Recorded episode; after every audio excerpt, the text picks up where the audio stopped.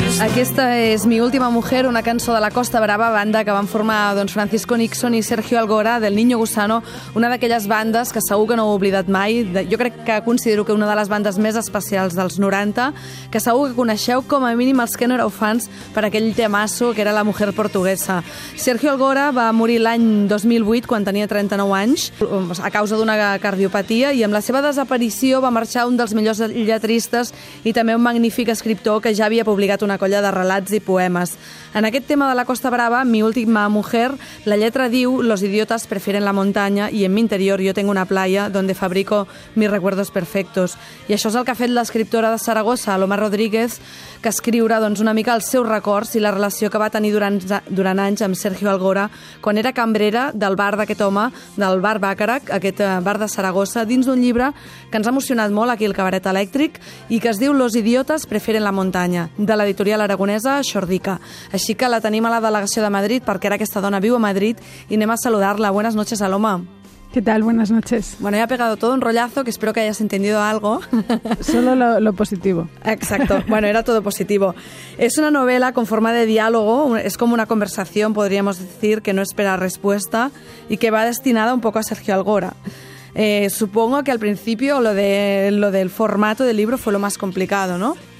Eh, bueno, en realidad es un libro que se ha ido escribiendo casi solo y que él mismo ha decidido la, la forma que, que, tenía, ¿no? Porque son como notas, como fragmentos, recuerdos eh, y cosas que me gustaría poder contarle a Sergio. Entonces, de ahí, de esa necesidad, pues al final eh, viene la forma, ¿no? Que, que, sea así fragmentario, que sea casi como, como una carta que sabes que el destinatario nunca va a leer, entonces a veces parece un diario es, es la forma viene de la propia de cómo se escribe el libro.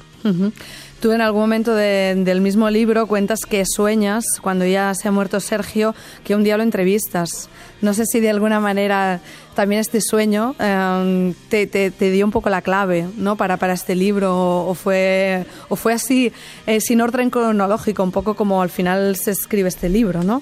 Bueno, en realidad empecé a tomar las notas poco después de la, del fallecimiento de Sergio y, y, he soñado muchísimo con él y creo que además es una cosa que nos pasa a varios amigos eh, de Sergio que se nos aparece en sueños, supongo que es como su último truco de, de mago. eh, y en realidad es un deseo de recuperar esa conversación con, con un amigo, ¿no? que, que ha sido muy especial, en parte porque porque él era muy especial y también porque tuvimos una relación de complicidad extraña porque solo, eh, solo trabajé en el bar como un año y medio, uh -huh. un poquito menos. Pero en ese tiempo que eh, nos dio tiempo a, a, eso, a tener una relación muy cómplice, ¿no? Bueno, tú eras escritora, eras la escritora que tenía detrás de la barra y, y, él también era escritor, de algún modo. Él se quería siempre reivindicar de esta manera, aunque todo el mundo lo conociera por hacer música. Yo creo que sí, que al menos última, o sea, en, los, en, sus últimos años Sergio tenía muy claro que, que, era escritor y que era eso donde quería, a lo que quería dedicar sus esfuerzos y donde quería ser reconocido, ¿no? Eh, en la literatura, porque además él tenía, él era un gran lector de poesía, era un tipo cultísimo, que tenía un, una concepción del lenguaje muy concreta y, y, y, era ahí donde quería dedicarse. También eh, estaba escribiendo una novela, había escrito cuentos y yo en ese momento era una escritora que todavía no me atrevía a decir que era escritora, ¿no? Entonces, uh -huh. eh, bueno, el, éramos como, como, en fin, Lady Halcón, ¿no? O sea, él estaba en un momento ya como maduro y yo estaba en el aprendizaje. Si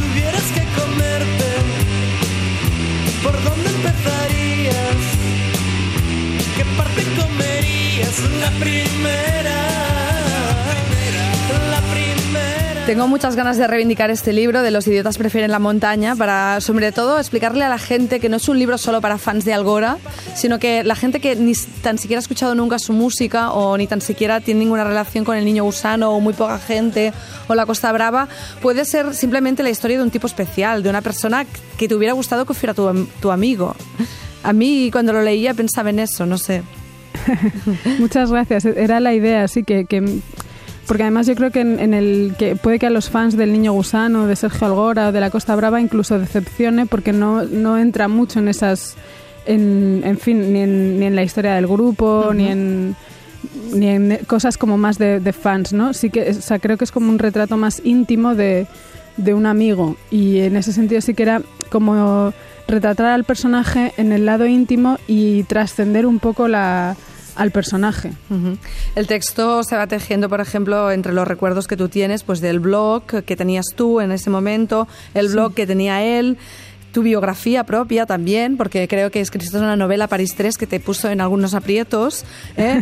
porque vuestra relación no, no fue solamente profesional, también cuando te presentó el primer libro, o sea, te pasaba también cosas que escribía, o sea que está muy relacionado con, con Aloma Rodríguez, eh, o sea, más que una biografía de Sergio Algora, casi diríamos que nos cuentas más cosas de ti que de él, ¿no? De algún modo. O de Sí, las cosas que te gustan de él, por decirlo de Sí, algún modo. eh, Estamos los dos ahí, ¿no? Por eso, por eso sí que es, eh, es un diálogo, porque él no está, no, no tiene, o sea, no puede responder a todo lo que yo le, le digo, pero sí que están sus textos. Para mí eso era muy importante, que estuvieran sus textos del blog, eh, letras de canciones, eh, de cuentos, en fin, eh, que, que su voz estuviera presente. Y luego es verdad que, que bueno, yo, yo siempre escribo desde lo autobiográfico, ¿no? Entonces, eh, al final, cuando cuentas que echas de menos a un amigo, está tu vida, ¿no? Y también eh, perdí a un amigo, pero también gané a otros, ¿no? O sea, porque la muerte de Sergio fue terrible, pero nos marcó tanto que parte de lo que somos se lo debemos a eso. Entonces también eh, era importante ese recorrido. Hay momentos muy emotivos en el libro, aunque es un libro bastante depurado. Yo creo que te has hecho un hartón de borrar o escribes muy bien a la primera, no sé. Pero No, he borrado. Vale, pero que está como muy elegida la frase en el momento, lo que cuentas, lo que no cuentas. Me imagino que había también un miedo, una cierta impudicia, ¿no? De, de, de- de liarla, ¿no? O de acabar contando cosas que no querías contar, etcétera, ¿no? Eh, bueno, eso eh, soy bastante inconsciente y mucha gente cuando lee el libro me dice qué valiente. Entonces yo pienso, madre mía, lo que he escrito, ¿no? Qué, qué- qué miedo. Pero sí que sí que mm, eh, sí que es verdad que trabajé mucho las frases. Quería que, que no hubiera ni una coma de más ni un adjetivo de más y que fuera un, un libro muy contenido, ¿no? Donde se llega a la emoción, pero casi sin, sin que te des cuenta. Sin drama, ¿no? Sin homenajes, Exacto. sin llorar, etcétera. De hecho, es un libro, yo diría, que a los que no queremos que nunca se acabe la fiesta, al champán, a las mujeres, a, las- a la noche, a los cócteles, a los bares, porque yo ahora tengo ganas de ir a Zaragoza con todos los bares que hay. Claro. Ya me he hecho una lista para cuando vaya. ¿eh? Hace muchos años que no voy, ya me he hecho Casa Emilio, no sé qué, pim, pim, pim, pim. Claro, la casa magnética, el Baccarat, por supuesto. ¿Sabes? Se me acumula el trabajo. O sea que también eh, yo creo que reivindicas esta Zaragoza que tú ahora que vives en Madrid, ¿no? Que es tan eh, desconocida para algunos y que y que sigue siendo un, un sitio lo suficientemente grande como para que haya toda esta gente, ¿no? Claro, y todo además, este mundo. Además está bien porque está como entre Madrid y Barcelona, entonces es un lugar de paso y por ejemplo muchos escritores cuando, o músicos tal cuando hacen la gira siempre paran en Zaragoza porque no, no es una gran inversión de dinero, entonces es una ciudad que tiene que, que es por su localización privilegiada geográfica tiene mucha vida cultural.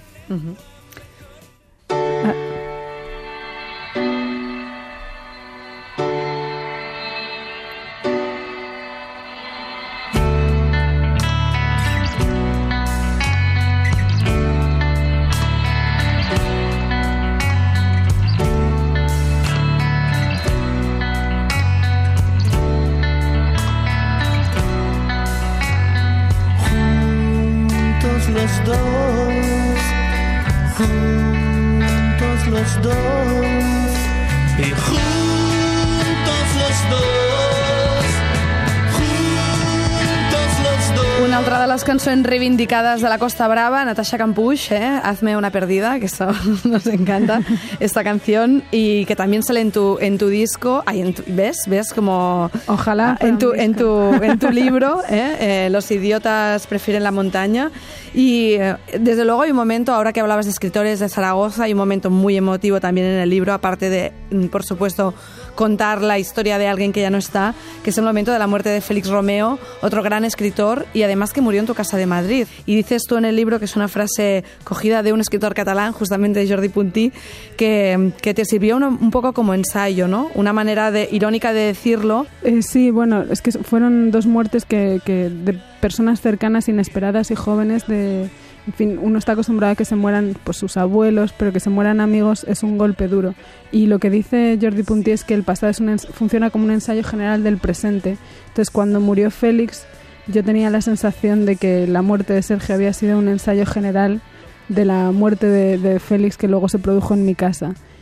Eh, lo que sucede es que, eh, bueno, cuando murió Félix yo ya estaba escribiendo el libro sobre Sergio, entonces me, me- muchos amigos, escritores zaragozanos con el sentido del humor típico maño me decían, se te acumula el trabajo. Eh, entonces, yo, eh, de alguna manera, la muerte de Félix tenía que estar, pero, Pero es tampoco- demasiado pronto, ¿no? Entonces creo que es una manera de contarlo casi en, en elipsis, que bueno, que, que no sé. O sea, te parecía que no podía estar, pero no le querías dar más importancia porque ya era otro libro casi, ¿no? Hablar de tu relación con Félix Romeo. Sí, y, y porque en realidad muchos, mucha gente ha escrito sobre eso y, casi todos podríamos escribir un libro sobre, sobre Félix, ¿no? Podría haber sido otro libro, lo que pasa es que es un, es un libro que yo creo que hemos ido escribiendo entre todos, mm, todos los amigos de Félix que hemos escrito sobre él a raíz de, de, bueno, después de que muriera, ¿no? Otro, hay un momento, no sé cómo contarlo, pero de, de este, de este libro, ¿no? Que a uno le da la sensación que está abriendo casi como una, un cajón de estos con las entradas de conciertos y un poco de, de memoria de las cosas que tienes con alguien, ¿no? Los carteles, las notas que te dejó. Me imagino que al principio, para hacer un libro así al final tan cortito, tan pequeño, pero te debías volver loca con todo lo que tenías, ¿no? Toda la documentación, toda esta parte como además desordenada, ¿no? Y qué peso le doy a esto y qué peso le doy a otra cosa, ¿no?